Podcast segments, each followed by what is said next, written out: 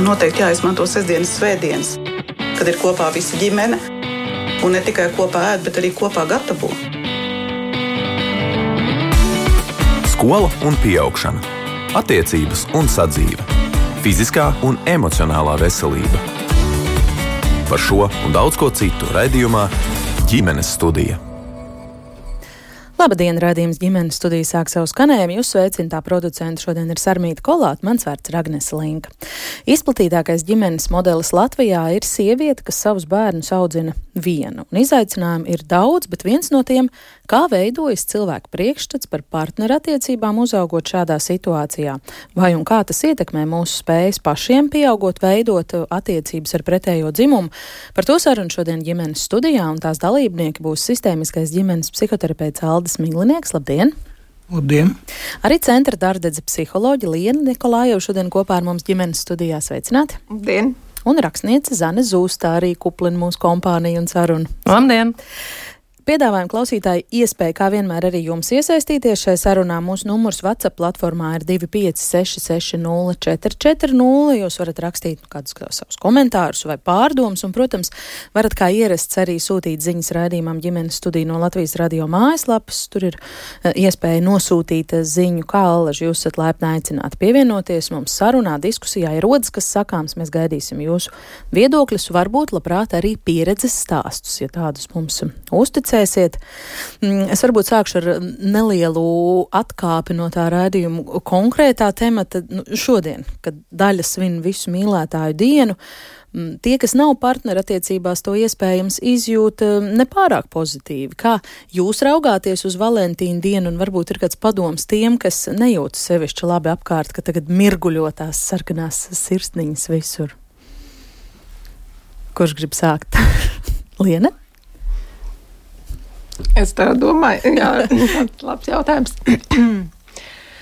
Droši vien ir jāsaka ar to, ka eh, katrs droši vien atrod to savu definīciju, laikam, tai sirsnīgi dienai vai Valentīna dienai, un tad saprot, kas tad ir tas uh, vajadzīgais man, un tas noteikti var būt atšķirīgs no tā, kā to, nezinu, sabiedrībā uh, pozicionē vai, vai literatūrā par to raksta, kad uh, Es domāju, arī kā skatoties, kā bērni to uztver. Bērni to lielā mērā uztver kā tādu draudzības apliecinājumu dienu, kur tiek gatavoti apsveikumi, mazas dāvaniņas saviem draugiem, kas nenozīmē romantiskos partnerus, bet no draugus. Un, un kāpēc nē, ka šī var diena būt tāda, kur mēs jā, paši noformulējam, kas mums ir sirsniņa diena.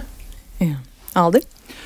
Jā, nu, pa, papildinot Lienas teikto, es domāju, jā, tas droši vien ir svarīgi atkarībā no mūsu vērtībām, no mūsu priekšstatiem. Um, kā mēs esam tikuši līdz šai dienai, 14. februārim, vai varbūt kaut kādā gadījumā neesam tikuši, ko tas mums nozīmē uh, gan uh, nu, tādas romantiskās mīlestības kontekstā, gan attiecību kontekstā, komunikācijas kontekstā, un kā jau Liena pieminēja, arī arī, nu, ja mēs runājam par ģimenēm, kuras um, vienas audzina bērnus arī bērnu kontekstā. Un, uh, protams, uh, nu, ja tā ir tāda vērtīga diena mūsu uztverē, un mēs viņu gribam kaut kā atzīmēt, tad droši vien mums ir jāsaprot, nu, kam mēs to mīlestību varam parādīt, kādā veidā un arī sagaidīt pretī. Zane. Tas droši vien aizskars to vienu tēzi, ko nepieminēju par to, kas notiek ar tiem, kuriem nav partneris un kas ir vieni paši. Es domāju, ka galvenais uzdevums ir mīlēt sevi. Un tad arī varēs mīlēt apkārtējos. Un, uh, tieši tas pats jādara ir tiem, kas ir attiecībās, kas ir uh, Tāpat man šodien ir apsveikuši draudzenes un mamma, un tā ir vēl viena diena, lai izrādītu siltas jūtas pret cilvēkiem, kas mums ir svarīgi. Mm, pret visiem tuviniekiem. Tieši tā. Un tomēr par eh, tādu lietu kā partnerattiecības eh, vai attiecības ar pretējo dzimumu šodien eh, šķiet tomēr esam nedaudz vairāk spiesti vai arī gribam aizdomāties. Mm, domājot par to, kāda nozīme tam vai bērnam ir viens vai abi vecāki, kā tas ir tieši tajā ziņā, skatot šos priekšstatus, kas veidojas sākot no bērnības par mūsu partnerattiecībām, par attiecībām ar pretējo pretējo uh, dzimumu. Kāda nozīme ir tam, vai es augu viena uh, vai, vai abu vecāku ģimenē? Droši vien, ka par to varētu daudz, daudz domāt un diskutēt un runāt. Bet nu, tāds pavisam vienkāršs skatījums. Es domāju, ka nu, mēs katrs skatoties uz bērniem, mēs pamanām, ievērojam, ka parasti puikas skatās uz um, vīriešiem un meklē, kas mums ir līdzīgs ar tēti, piemēram, un skatoties uz māmu, meklē tās atšķirības. Un meitene ir tieši pretēji. Meitene skatoties uz māmu, meklē līdzības, un skatoties uz tēti, meklē atšķirības. Tas ir nu, varbūt arī tādas dzimuma identitātes kontekstā, un attīstības kontekstā, un arī komunikācijas kontekstā. Jā, tie ir ārkārtīgi svarīgi piemēri, eh, no kuriem mēs mācāmies. Jā, un, eh, nu, droši vien arī skatoties uz eh, vecākiem, ja viņi ir abi, tad ārkārtīgi svarīgi, lai, lai bērniņš justos labi, lai būtu tāda sajūta, ka viss ir kārtībā. Jā, nu, protams, ja dzīve ir aizgājusi tā, ka um, kāds no vecākiem ir palicis viens, jā, tad, uh, tad droši vien ir svarīgi nu, arī padomāt, saprast, uz ko tas mans puisītis vai meitenīte varētu skatīties, kas varētu būt tas simboliskais, varbūt tētis vai simboliskā māma piemērs. Jā, un, uh, Nu, šajā ziņā arī paldies Zanai par pēdējo grāmatiņu, nepieradināts putnis, kur mēs arī šo ļoti tā uzskatāmi varam redzēt. Jā, ka meitene, kur aug viena kopā ar māmu, cik ļoti viņai ir svarīga, eh, svarīga eh, draudzenes ģimene, jā, cik eh, ļoti daudz viņa nu, arī emocionāli gūs no tām attiecībām, kur, kuras viņa vēro šajā ģimenē. Mm -hmm. Attiecību vērošana. Tas ir viens, ko Aldis piedāvā likt šai sarakstā. Lien, ko jūs tur papildinātu? Kā veidojas bērna priekšstati par partneru attiecībām, augot viena vecāka ģimenē? Jā, es varētu papildināt mazliet ar tādu um, savādāku skatījumu, par ko arī pētījumi vairāk saka par to, ka nu, ne tādas attiecību vērošana, um, respektīvi vecāku sastarpies at, attiecību vērošana, bet tieši bērna paša attiecības ar vecāku vai katru no vecākiem uh, lielāku lomu spēlē tajā, kā viņā veidosies uh, priekšstats par to, kā veidot attiecības, arī tā skaitā romantiskās attiecības.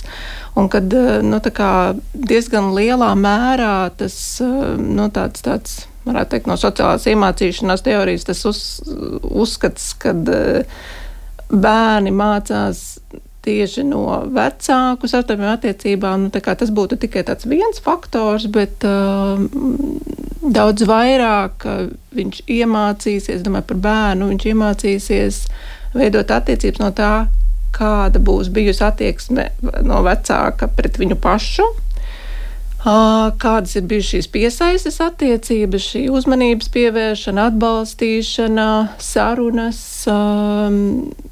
jā, tādas mīlestības apliecinājumi pret bērnu. Un tas veidos to pamatu, kā jā, bērns varētu veidot attiecības arī ar citiem cilvēkiem, tie skaitā arī romantiskās attiecības. Mm -hmm. Un ja šī viena vecāka nav, nav to attiecība, nav piesaistes, nav sarunu, ir otrs vecāks. un es domāju, tas uh, otrs vecāks, kurš veido attiecības ar bērnu, uh, var gana daudz izdarīt. Var, jā, gan rādot priekšstatu, nu, piemēru par to, kā viņš pats par sevi rūpējās, kā viņš tiek ar ikdienas situācijām galā, kā viņš komunicē ar citiem cilvēkiem, kā socializējās, kā Um, kā jā, sarunājas ar savu bērnu, arī tas var būt gana daudz, uh, lai radītu bērnam priekšstatu par to, kā ir veidot attiecības, kā ir tikt galā ar uh, konkrētām situācijām. Mm -hmm. Zāne grib arī jūs iesaistīt sarunā, vaicāt, kā šis motīvs vai tas motīvs un, un kā tas parādās jūsu grāmatā. Aldis jau minēja nepieradinātais putns. Mēs tagad saprotam, ka tas tur ir. Tā tad konkrēti jūs gribat atbildēt par grāmatu. Jā. Uh, nu, vispirms. Protams, vispirms, jā, jo es biju arī gatava izstāstīt par savu pieredzi. Pilnīgi noteikti. Bet uh, grāmatā, jā, grāmatā nepieredzināts putns, galvenā varona Linda, viņa aug bez tēva, un uh, tas viņai caurvīja praktiski visu viņas dzīvi, jo viņa jūtas kā cilvēks ar klibu kāju vai puzle bez viena gabaliņa, tik ļoti intensīvi viņa izjūt šo pietrūkušo faktoru, kas spētu viņai veidot tās attiecības ar vīriešiem, vai, vai vispār viņai nav domas, ko īsti tiekties, pēc kā, kā, kā, pēc kā kārot. Un tas ļoti būtiski ietekmē to viņas dzīvi, un arī tur, kur uh, grāmatas sākumā, kur viņa vispār ir savā dzīvē līdz tam tikus, kādas viņai ir veidojušās šīs attiecības ar, gan ar cilvēkiem, gan ar vīriešiem, un kāpēc tas ir tā, kā ir. Un nedaudz detalizācijā ejot tātad par attiecībām ar pretējo dzimumu, par romantiskajām attiecībām, par jūsu varoni, domājot, kā tas viņai tur ir. Tas viņai attiecības ar vīriešiem viņai nav diezko so, so, sokušās, jo viņa to tuvumu vairāk redz tajā tālumā, jo tā viņa ir pieradusi redzēt savas attiecības ar tēvu, kas viņai it kā ir, it kā nav šis uh, netveramais uh, objekts. Un tā viņa arī jūtās drošāk, ka viņa nav tuvumā šiem vīriešiem, tāpēc viņa baidās uh, veidot šo saikni, kas, uh, manuprāt, ir loģiski. Mm -hmm. Jā, Aldi, gribat ko papildināt? Jā, es gribu arī piebilst. Es domāju, šeit ir nu, tā grāmata ir īstenībā ļoti reāla. Ja paņem tādus reālus klientu stāstus un izlasa šo grāmatu, tad īstenībā nu, ir tāda sajūta, ka um, ir aprakstīts reāls stāsts. Un tā realitāte ir saistībā ar emocijām, kā cilvēki jūtās. jo nu, mēs jau ļoti bieži pamanām, ka ja ir kādas emocionālas grūtības, piemēram, tā kā ir šīs meitenes gadījumā, kad viņa aug bez tēva un viņa vēro māmu, kā, kā jūtas mamma, kā mamma mēģina tikt galā ar to situāciju. Viņa pati arī, protams, pārdzīvo, un viņa kaut kādā veidā mēģina tikt galā ar situāciju, ka tētis nav. Bet kādā brīdī šie cilvēki, atnākot, viņi saka tā, viņi saka, jā. Um, Mēs labi apzināmies tās emocionālās grūtības, kādas bija bērnībā, kā mēs augām. Un tā kā tā iekšējā pārliecība bija tāda, ka nu, es savu dzīvi veidošu tā, lai man nekad tā nebūtu kā maniem vecākiem. Un tagad, šodien, kad esmu, es esmu pie jums, tad es apzinos, ka īstenībā ir noticis kaut kas ļoti, ļoti līdzīgs. Un es priekš sevis to saucu par tādu emocionālu nospiedumu no bērnības, kas mūs ļoti ilgi var pavadīt mūsu dzīvē un ietekmēt mūsu gaitas. Un visbiežāk jau grūtības rodas dēļ sāpīgām emocijām, dēļ pārdzīvojumiem. Nu, tad, ir, tad ir jāsaprot, kā ar to var tikt galā. Jā, un arī šajā grāmatā ļoti reāli parādās, ka tikai tad, kad uh, 39 gadu vecumā, kad meitenes, nu jau pieaugušas sievietes tēvs mirst, Jā, ļoti spilgti aprakstīta šī epizode, arī ļoti reāli. Paldies! Jā, tad, eh, nu, man liekas, simboliski ir tāda kā izdziedināšanās, jo galven, galvenā varone saprot, ka eh, nu, es jau nevaru atgūt savu tēvu, es nevaru viņu izglābt. Bet vienīgais, ko es varu darīt, es varu veidot savu dzīvi savādāk, lai man ietu labāk. Un tad arī parādās tas atrisinājums. Tad viņi arī apprecās un ģimenē ienāk bērniņš. Mm, Zaļie, Jā, mēs arī nedrīkstam izpaust visu sižetu, lai paliek lasītājiem maz intriga. Jo es esmu lasījusi, ka grāmatu blogeri, kuri ir ļoti svarīgi, viņi saka, jo tu mazāk zini par šo grāmatu, jo labāk, jo ir interesantāk. Bet uh, viennozīmīgi es piekrītu Alda teiktajam par, par, jā, par to, ka tā es pazaudēju domu. Jā, varbūt, ka jūs varat, kamēr atķer, uzķerat atpakaļ domu, pastāstīt arī, ja to var atklāt, jo Aldis saka, norakstīts kā no dzīves, ja, no klientu reālajiem stāstiem, no kurienes šis prototips ir uh, jūs iedvesmojis. Jā, man ir abi vecāki, un es esmu augusi ar abiem vecākiem, arī par iepriekšējo jautājumu es arī esmu izvēlējusies vīru, tagad saprotu tādu kā tēti, uh, Man bija svarīgi cilvēks, vīrietis, kurš zina visu, kurš māca atbildēt uz maniem jautājumiem par visu. Un, lai arī mēs iepazināmies, kad man bija 19, un viņam bija 21, man bija tā sajūta, viņš zina visu, viņš ir īstais. un, un tā, tā tad tu skaties pēc tā tēta prototipa. Tā tad un, tā netuvu nav jūsu pieredze, kas ir uzrakstīta grāmatā. Tā nav mana pieredze, jā, bet tā, tas grāmatas iesākums, kā arī vēsta priekšlapā balstīts uz patiesiem notikumiem, bet izdomāts stāsts. Uh, viens no notikumiem tiešām ir patiesa, ar ko grāmata iesākās. Tas diezgan spēcīgs moments, kas tiešām ir varonai sāpīgs, un tas ir patiesa. Un, um, Un, jā, bet grāmatā ir izdomāta. Mana ļoti tuva draudzene iet šo procesu, meklē tēvu. Uh, viņas mamma arī tiešām nav atzinusi, kas ir viņas tētis, un to viņa praktiski uzzinājusi dažus uh, gadus uh, atpakaļ. Un, uh, tas ir detektīvu cienīgs stāsts, un es redzu, cik ļoti viņai tas ir svarīgi. Līdz ar to viņa man ietek, iespaidoja rakstīt šo stāstu, jo es sapratu, ka tur ir tik daudz emocijas, ka tam ir jātop izstāstītam, lai būtu platforma sarunai, jo tas jau ir svarīgākais, ka mēs par to varam runāt. Mm -hmm. Aldis šeit teica, ka gana bieži savā darba kabinetā klientu stāstos atpazīst šādas situācijas. Lien, vai jūs arī ikdienā strādājot ar uh, saviem mazajiem klientiem? Ja Un ar, ne tikai arī, mazajiem, jā. jā. Tā kā vēl sastopaties, jā, jā, jā, ar šādiem stāstiem, kur tā problemātika parādās.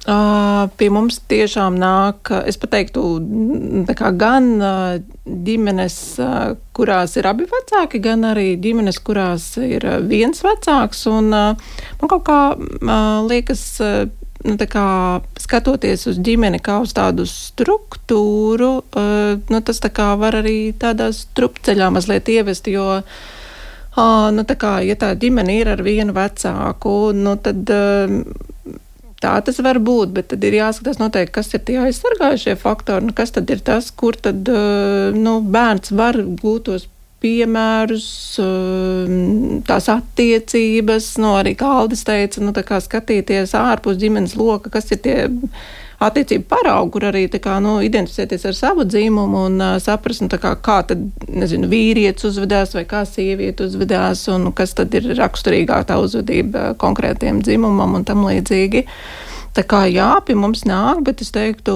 nāk gan uh, ģimenes ar diviem vecākiem, gan ar vienu vecāku, un ļoti, ļoti arī nu, atšķirīgi nu, funkcionējošas ģimenes. Ir ģimenes, kurās ir gan, es teiktu, pietiekami daudz resursu, kur viņi spēj izprast bērna grūtības un nu, gana daudz uh, zina, nu, kā, ko darīt, lai bērnam palīdzētu labāk sajusties. Uh, un mēdz būt ģimenes, kurās uh, nu, kā, tie resursi ir pietiekami mazi, vai arī tur ir bijis tiešām nu, vardarbība pret bērnu, vai bērns ir bijis aculiecinieks vecāks savstarpēji vardarbībai.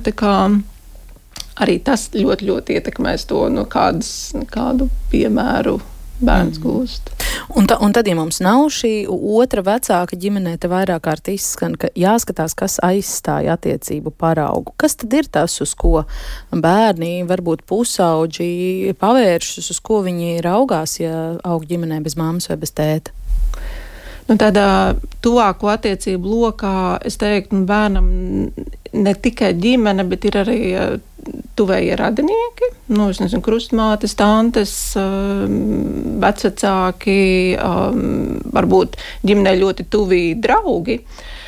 Uh, kas arī varbūt tādu nu, krustvecāku lomu pilda, tad tur varbūt arī um, ārpus stundu interešu pulciņu vadītājs, nezinu, mākslas skolotājs vai varbūt uh, sporta treneris vai um, um, kāda drauga ģimene, kā es te, te kā arī dzirdēju. Un, jā, nu, tā kā tās iespējas noteikti ir gan daudz un dažādas, mm. kur meklēt. Vai būtu nekorekti vispārināt, ka biežāk šie ir stāsti par to, ka bērniem pietrūkst tas tēva tēls, šīs tēta figūras, jo statistiski jau tās ir sievietes, kas audzina savus bērnus viens pašs. Un vai te ir atšķirība, vai tētis kā tēls, kā figūra pietrūkst meitenei vai puisim, meitai vai dēlam?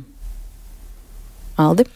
Nu, jā, laikam tradicionāli tas priekšstats ir tāds, ka nu, pārsvarā jau tās ir vientuļās māmas, vai varbūt, nezinu, pareizāk būtu teikt, solo māmas. Solo vecāki, jā. Solo vecāki, kas audzina mm, savus bērniņus, un, un tā statistika ir, jā, bet, nu, ja paskatāmies statistiku, arī gana daudz tūkstoši arī, arī tēvi audzina vieni paši bērnus, un, nu, varbūt um, tur vajadzētu sīkāk paskatīties, kādos gadījumos tas notiek. Es pieļauju, ka varbūt tiešām Tas ir biežāk tad, ja, ja dzīves biedri ir aizgājusi mūžībā ar kādu slimību, un um, manā ģimenē, manu radu lokā arī ir tāds gadījums, kad tētis kopā ar uh, savu brāli izaudzināja dēlu, jo, jo sieva aizgāja ar onkoloģiju.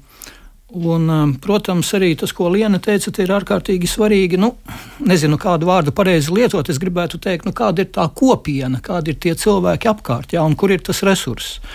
Un uh, šādās situācijās, protams, uh, ja mēs redzam, ka kaut kādu iemeslu dēļ nav resursa pie tēva, jā, nu, nezinu, varbūt ir alkoholiķis, kādas smagas atkarības vai, vardarbība ir bijusi, un tad, protams, labāk nedzīvot kopā. Tad ir tas jautājums, kur ir tas resurss. Vai mēs varam paskatīties uz vecākiem, vai mēs varam paskatīties uz krustvecākiem, vai mēs varam sadraudzēties ar kaimiņiem, kuriem kur ir blakus un kuri ir labsirdīgi, atsaucīgi un kuriem iet labi. Ja? Un tas ir tas resursu jautājums. Jā, to ir svarīgi skatīties, meklēt.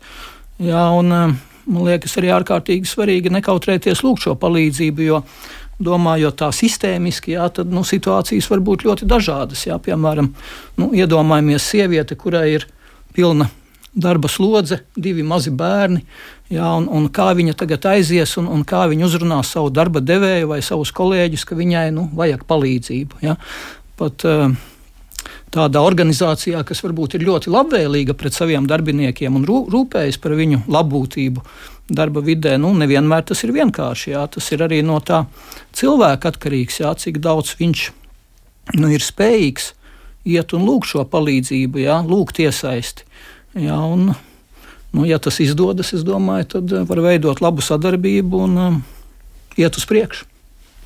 Es varu piebilst, tā grāmatas kontekstā par to akūto trūkumu pēc uzmanības, jo grāmatas varona Linda, viņa aug bez tēva, un viņai nav šī tēvs figūras uzmanība. Un, uh, viņa redz, ka viņas mātei uh, veidojās dažādas attiecības, bet uh, tās varbūt nav pārāk labvēlīgas. Uh, šie vīrieši par viņu neizrāda nekādu interesi, viņi drīzāk ir traucēklis katrai reizi šajās attiecībās. Bet uh, tad pēkšņi uzrodas kāds vīrietis, kas pievērš viņai uzmanību um, tīri kā bērnam, kā, kā, kā, kā tev iet, vai tev nav jāsalabo lampa, vai tev viss ir kārtībā, izrāda interesi par viņu. Un šis, ir tas akūtais uzmanības trūkums, kuru pēc tam ir ļoti viegli uzķerties, ka tev kāds par tevi interesējas, un tev, tu saproti, jā, tas ir tieši tas, kas man ir tik ļoti trūcis. Un es pieņemu, ka reālajās situācijās, ko es arī esmu novērojis savā lokā, ka tā ir. Tu uh, iemīlies jau tajā, kas tev izrāda uzmanību. Un tikai pēc tam tu vari sākt analizēt, vai vispār tas bija pareizs lēmums, uh, pēc kādas vajadzības es tiecos, un vai tā ir tā vajadzība, ko es esmu atradusi. Un, un tas ir tas uh, sekas tam, ka šī tēva figūra nav bijusi. Mm. Jūs varat piekrist tam, ka tas ir tāds risks bērniem, kas ir auguši bez viena vai otra vecāka? Nu, tas nu, sakrīt ar to manis teikto par to, ka nu, lielā mērā tieši tās piesaistes attiecības, ko bērns ir nu, piedzīvojis un, un attīstījis ar savu vecāku, kad nu, tas ietver arī šo uzmanības saņemšanu no šī vai nu no mātes, vai nu no tēva, nu, kas ir šis vecāks, ja tas ir nu, viens vecāks ģimenē.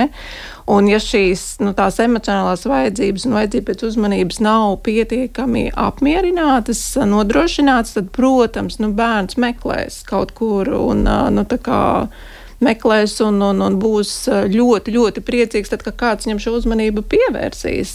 Bet, nu, kā, ja ir šis viens vecāks ģimenē, kurš nu, veido ar bērnu pietiekami drošas attiecības, pietiekami regulāri nodrošina zinu, sarunu ar bērnu par to, kā viņam klājas, kā tas šodien, jā, kā šodien jūties, kā tev gāja ar draudzeni, nezinu, uz dāni vai, vai, vai, vai nu, kā izrāda šo interesi un uzmanību, tad sniedz, tad, protams, bērnam veidosies tāda, nu, tāda droša sajūta, tā ir tāda nu, tā kā, jā, veidojas šī drošā sajūta, drošā mm, piesaiste, un kā, viņam nebūs tāda vajadzība varbūt meklēt attiecības ārpus ģimenes pie kāda cilvēka, kas ir svešinieks, bet kas viņam ir izvēle uzmanību mm -hmm. pievērst. Un man īsti papildinājums, ka tas ir dzimuma neitrāli. Šo var realizēt māma vienlīdz labi. Jā, gan pret jā, meiteni, gan pret puisi visos vecumos. Jā, un arī, un es domāju, arī abi vecāki, gan māte, gan tēvs, viņi abi ir spējīgi nodrošināt bērnam tās emocionālās vajadzības, kas viņam ir vajadzīgas. Un, un, un, un situācijas tur, kur mamma ir ar nezinu, krietni mazāk resursiem, nu, vai nu viņa kāda saslimšanas, nezinu, garīga rakstura vai, vai fizisks vai kā. Un situācijas var būt dažādas. Tētis var gana labi nu, kompensēt to ar tādu ar savām, jā, ar savu attieksmi un, un, un attiecībām. Abi.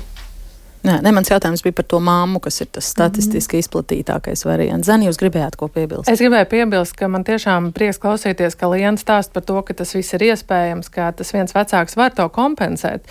Man jau redzēja grāmata ir par 80. gadiem. Es arī pats esmu 80. gadu bērns, un, un būtu interesanti arī uzzināt, vai tas ir mainījies, kā bija toreiz, vai Es domāju, ka varbūt toreiz bija grūtāk to visu. Mēs taču esam tagad daudz gudrāki. Mm. Mēs zinām, ko bērniem vajag, kādas ir vajadzības, kas ir, kas ir tas, kas jāpiepild. Mēs esam daudz inteliģentāki un, un, un, un, un viedāki, un mums ir tā zināšanas. Tā kā, jā, es ceru, ka tā mana grāmatas pieredze, ko es aprakstījusi, ka varbūt mūsdienās um, tā nav vairs tik bieži sastopama. Es arī mm, pat patiesībā tagad savā draugu lokā nezinu nevienu, kas neatklātu par to, kas ir tavs tētis. Bet tad, savukārt tajā, um, tajā posmā arī pie manis ļoti, ļoti daudz stāstu atnāca rakstot šo grāmatu, un jau uzrakstot, cik ļoti, ļoti daudz ir šo, es nezinu, kas ir mans tētis, un um, vai tā ir tikai tā laika sērga, vai tas ir arī mūsdienās. Es ceru, ka mūsdienās tas ir mazāk. Statistiski nezinu, bet es zinu gadījumus, kur joprojām mūsdienās arī nezinu savu vecāku. Jā. Jā. Aldi. Jā, mēs nezinām precīzi to statistiku, bet es pieļauju, ka neskatoties uz to, ka ir ļoti liels um, šķirto laulību skaits, nu, praktiski mēs zinām, ka katrs otrais pāris šķirās, um, apmēram 50%. Nu, gribētos ticēt, uh, ka tā atbildība un rūpes par uh, bērniem, um, nu, ka vecāki tomēr abi vairāk iesaistās šajā aprūpē. Jā, ka tā atbildība palielinās. Un, uh, gribētos ticēt, ka pat ja vecāki nedzīvo kopā, ka viņi tomēr saprot, cik ārkārtīgi uh, būtiska ir viņu loma um, gan pamatvajadzību nodrošināšanā, gan um, laiks kopā ar bērnu. Jā, gan um, nu, tādas arī emocionālas rūpes, jo, jo, protams, mēs saprotam, ka tās grūtības parādās tad, kad uh, nu, ir tāds nelabs tāds kā radiofoniņš, ja? kad visu laiku ir kaut kāda tāda emocija, kas mani triggerē. Ja? Un, um, ja es augu viens ģimenē, un, um, piemēram, mana mamma visu laiku ir par kaut ko bēdīga, ja? vai visu laiku ir par kaut ko dusmīga, ja? tad īstenībā nu, tas emocionālais nospiedums jau veidojas. Un, um, To var izskaidrot neirofizioloģiski, ja, kā, mēs, kā mēs šīs emocijas sajūtam. Un tad, attiecīgi, skatīties, nu, ja parādās grūtība, kā tas ietekmē citos līmeņos, kā tas ietekmē mūsu domas, kā tas ietekmē mūsu sarunas, kā tas ietekmē mūsu rīcību. Mm. Mēs pēc uh, maza mirkļa turpināsim sarunu ģimenes studijā. Mēs tiekamies ģimenes studijā.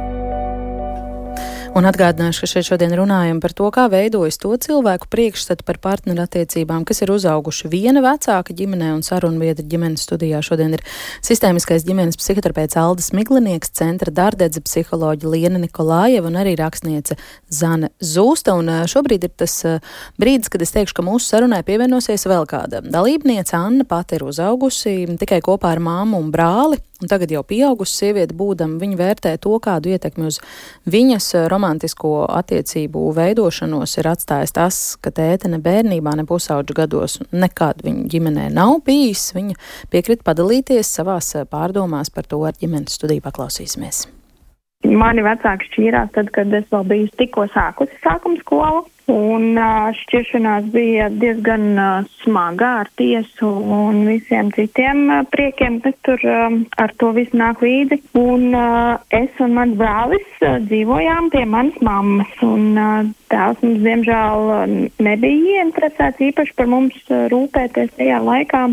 Un tad, nu, tā dzīve tā arī aizitē. Mēs pārvācāmies uz pilnīgi citu pilsētu, trietā, un, un sākām būtībā jaunu dzīvi. Un kas varbūt visvairāk to visu ietekmēja, bija tas, ka tā šķiršanās bija tiešām ļoti smaga, un uh, manai mammai ļoti ilgu laiku bija liels aizvainojums, kas ietekmēja arī mūsu uzaugšanu un to skatu uz otru dzimumu gan man, gan manam brālim. Mēs redzējām, ka viņai ir grūti, viņa nevarēja par to īsti mums stāstīt. Tīri psiholoģiski es to šobrīd pieaugušā vecumā saprotu, bet bērnībā tas bija ļoti grūti, kad tu nesaproti, kāpēc tava mamma nerunā par tēti, kāpēc mums ir tikai mamma un kāpēc mēs nevaram braukt ciemos, kāpēc citiem bērniem skolā ir, piemēram, tēva dienās apsveikumu tētiem, bet mums īsti tāda iespēja nav.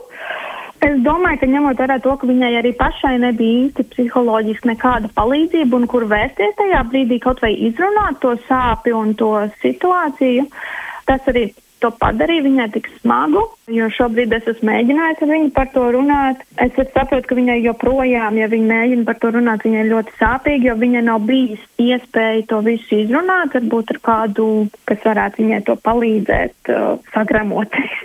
Protams, tagad ar pieaugušo acis redz to, ka mums veidojās abiem ar brāli tāds ļoti, ļoti vienpusējs priekšstats par otru pusi, par partneri. Mums nācās diezgan ātri izaugt, jo mama bija viena.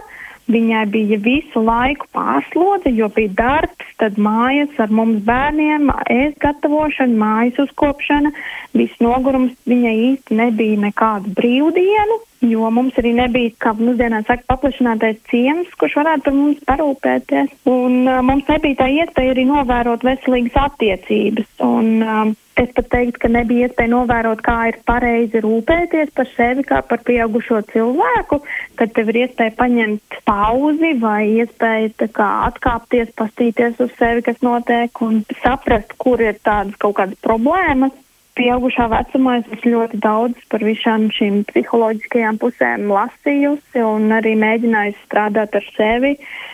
Un es redzu to, ka gan man pusauģu vecumā bija ļoti grūti nospraust robežas, sākot iepazīties ar otro dzimumu, izrunāt kaut kādas problēmas vai vispār saprast, ko nozīmē veselīgas attiecības, jo es īsti nezināju, kā tas ir uh, sazināties un varbūt uh, veselīgi uzturēt attiecības ar pretējo dzimumu, jo ikdienā man tāda iespēja šādu te veselīgu variantu novērot nebija.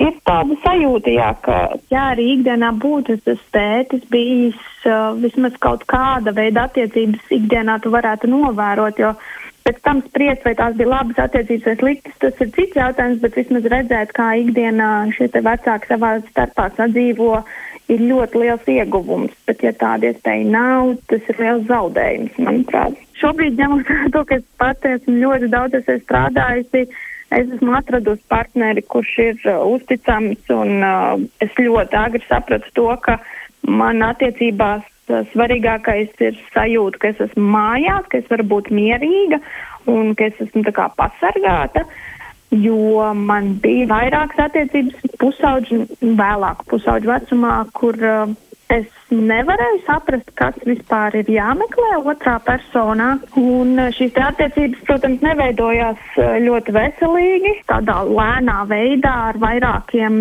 mēģinājumiem es nonācu pie tā secinājuma, ka es vienkārši nezināju, ko meklēt attiecībās un ko es vispār gribu un uz kā ir jābalstās īsti attiecībām. Bet šobrīd arī skatoties no malas, es redzu to, ka mans brālis kā vīrietis, kuram varbūt nebija tēva, nu, viņam ļoti grūti iet attiecībās. Viņš nezina, kā būtu jāizturās vīrietim attiecībās. Teiksim, tā attālināts mums bija vecmāmiņas, mums vectētiņa arī šajā pasaulē vairs nav. Tad, nu, īsti nebija neviena tāda ikdienas vīriešu parauga. Kūlāmies, kā nu mācējām.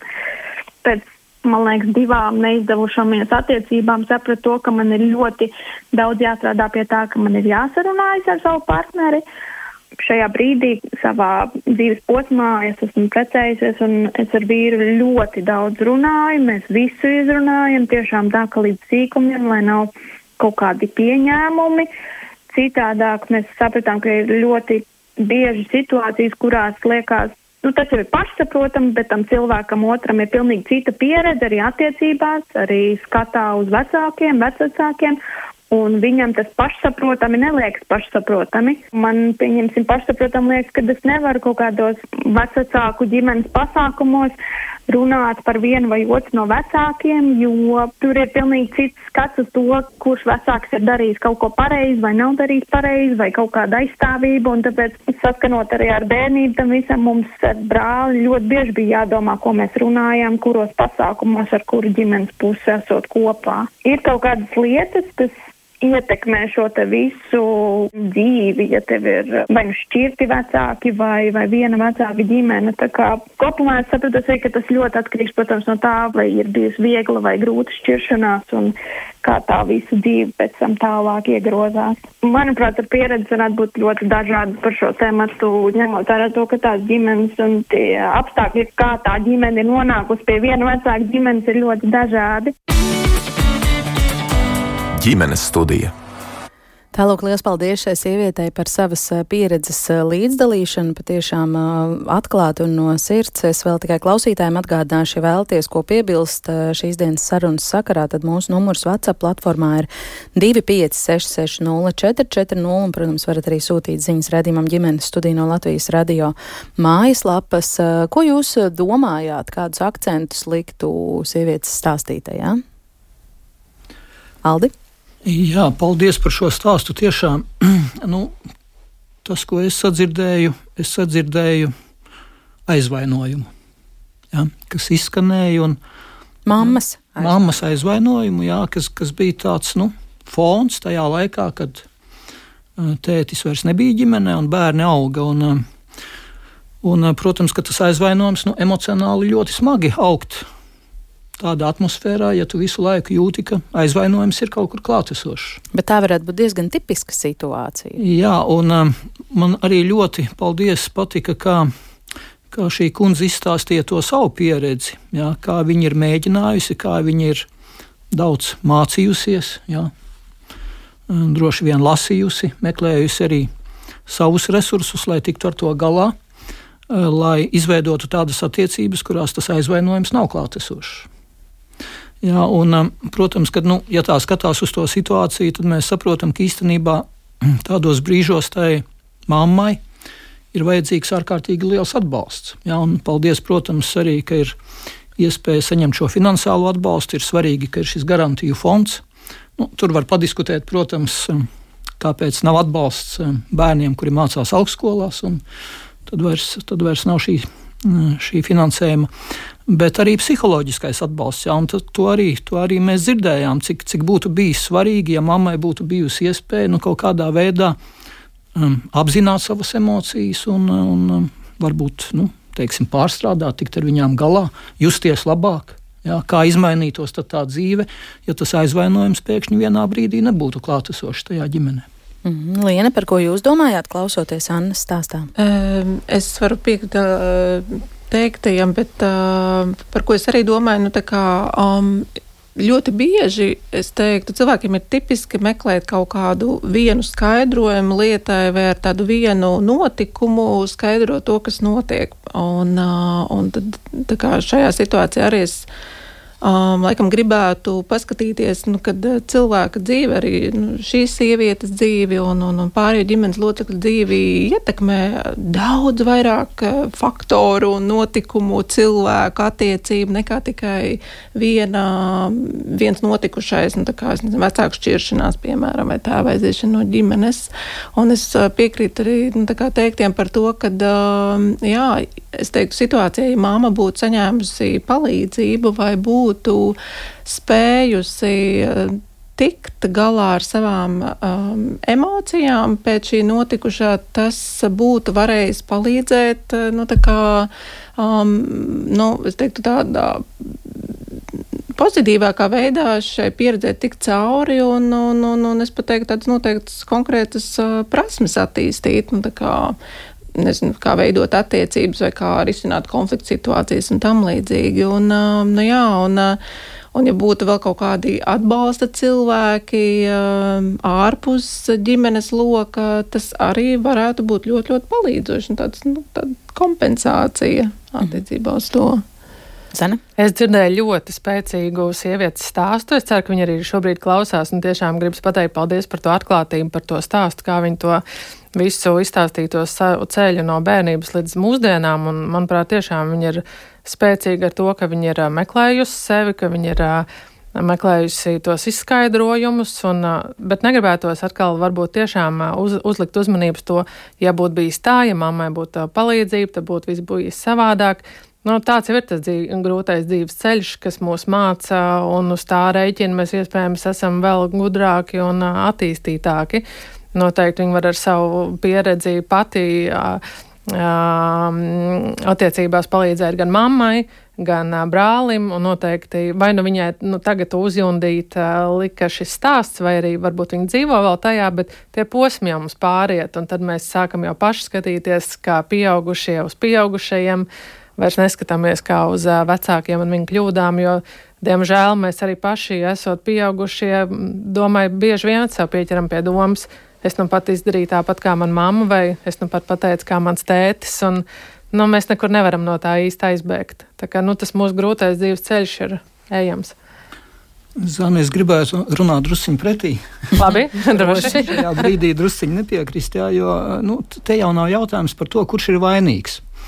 Te ir um, jautājums par to subjektīvo realitāti, ko mēs sajūtam tajā brīdī. Un, un, un ja mēs saprotam, ka uh, nu, visu, visu mūsu dzīvi, to ikdienu ietekmē aizvainojums, nu, tad mēs saprotam, jā, viņš ir klātesošs.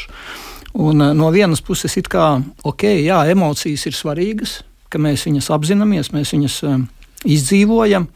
Jā, varbūt kādreiz ir pat tādi ieteikumi dzirdēti, ka nu, viss, ko mēs emocionāli, kas mums nāk priekšā, tā kā nu, mums jāmetas iekšā tajā, iekšā tajās emocijās.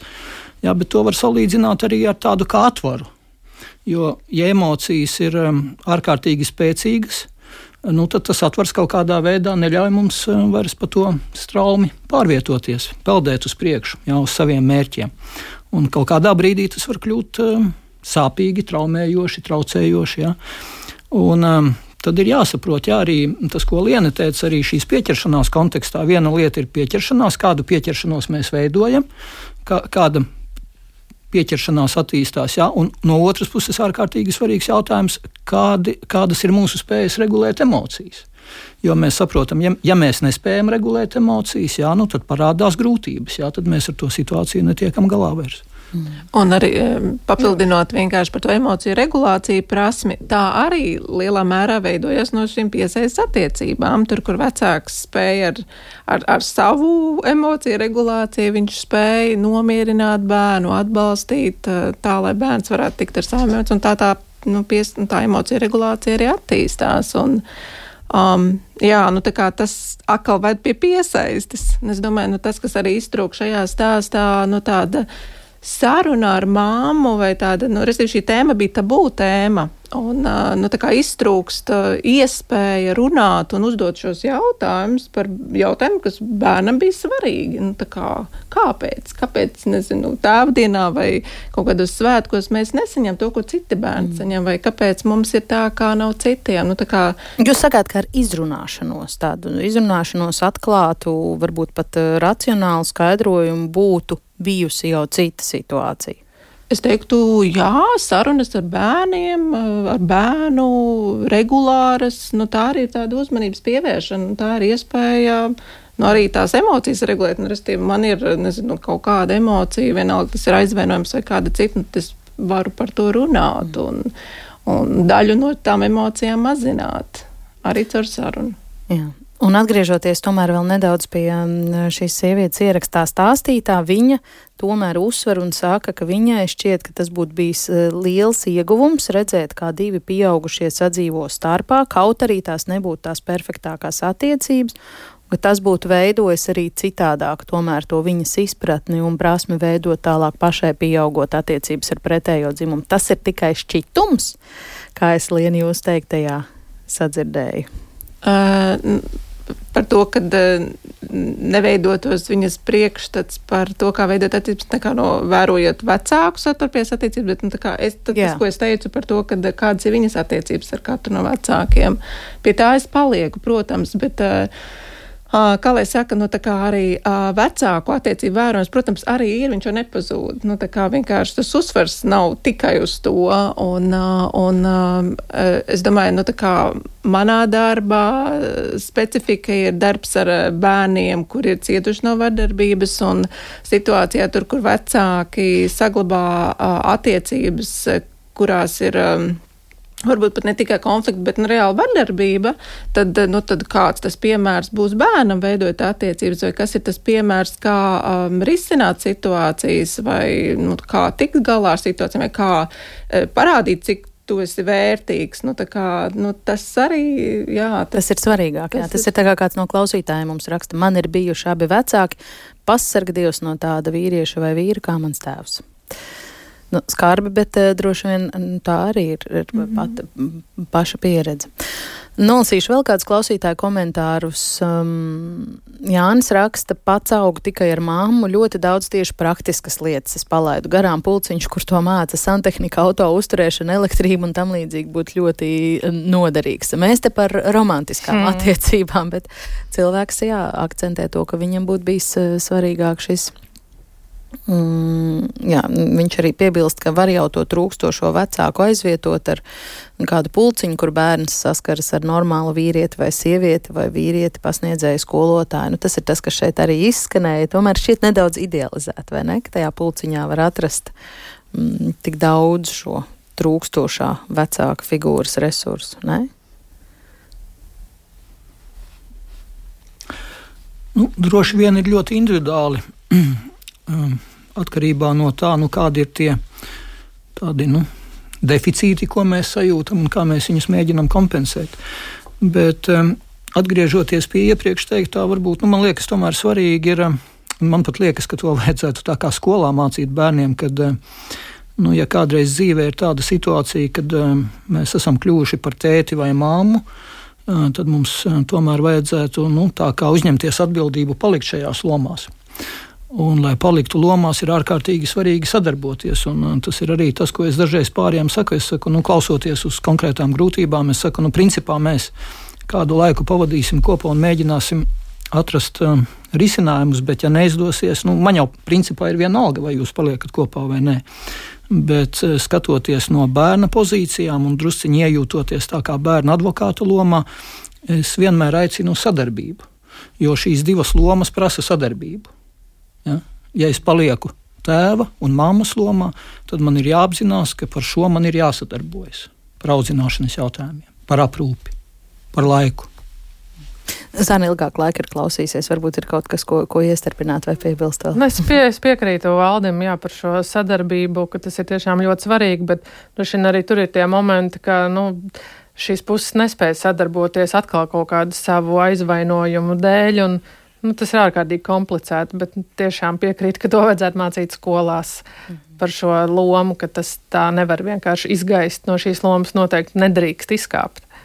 Mm. Bet dažreiz notiek tā, kā dzīvē notiek. Un rezumējot uh, mūsu sarunu, tad, uh, ja mēs liktu atkal tādā sarakstiņā vai topā tos ieteikumus tiem vecākiem, kas uh, tomēr savus bērnus šobrīd audzina, bez otra pieaugušā līdzdalības vai klātbūtnes, kādas ir tās viņu iespējas kaut ko izlīdzsvarot, iedot veselīgu, reālu skatījumu uz dzīvi un uz potenciālajām partnerattiecībām nākotnē. Ko mēs šai sarakstā liekam? Nu, es droši vien teikšu to pašu, ko es teicu, varbūt ar savādākiem vārdiem, bet uh, arī viens vecāks, esot attiecībās ar savu bērnu, var dot gana daudz. Gan uh, caur sarunām, gan uzmanības pievēršanu, regulāru laika pavadīšanu kopā, kas nenozīmē, nu, tā kā Nu, tas nenozīmē kaut ko ļoti ārpus ikdienas tādas ierastās kārtības, bet nu, tādu pietiekami regulāru laiku kopā. Uh, tad, tad būt attiecībās, būt atbalstošam, sarunāties ar bērnu.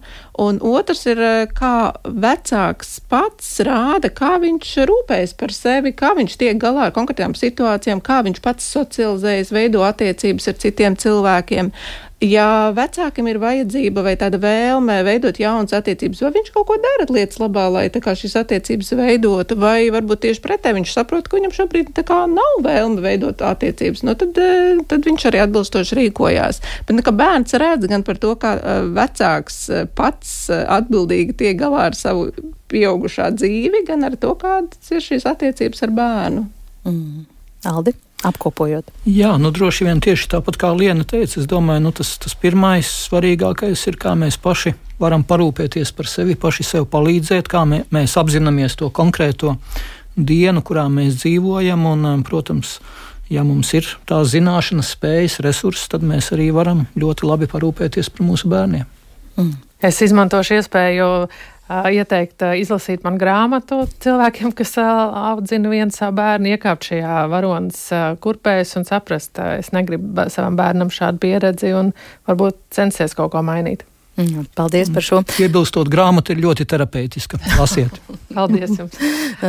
Klausītājs Zita mums raksta paldies par sarunu. Gribētu vēl piebilst, ka nereti solo māmas nākotnē pašas ir tās, kas jau pieaugušo bērnu attiecības var turpināt ietekmēt nelabvēlīgi, jo ir pieradušas pāraprūpēt uh, savas uh, atvases. Iespējams, ka tas ir temats vēl veselai Mm, sarunai ģimenes eh, studijā, un uh, klausītāji parakstījusies, kā Zemene saka, ka viņa piekrīt psiholoģijai, kura norādīja īpaši būtiski ir tas, kā solo māma pati jūtas, kā rūpējas par sevi vai pati mīl sevi, nenodot to zaudējumu un cietējas sajūtu bērniem, taču te vēl svarīgi piebilst, ka tā solo vecāka pozīcija ļoti bieži arī mainās, tu esi viena, un tad pēc kāda laika vairs viena nēsi, un Valentīna dienā visām solo mamām novēl to piedzīvot, bet līdz tam, lai izdodas iemīlēt pašām sevi. Brīnišķīgi. Jā, šim varam tikai pievienoties.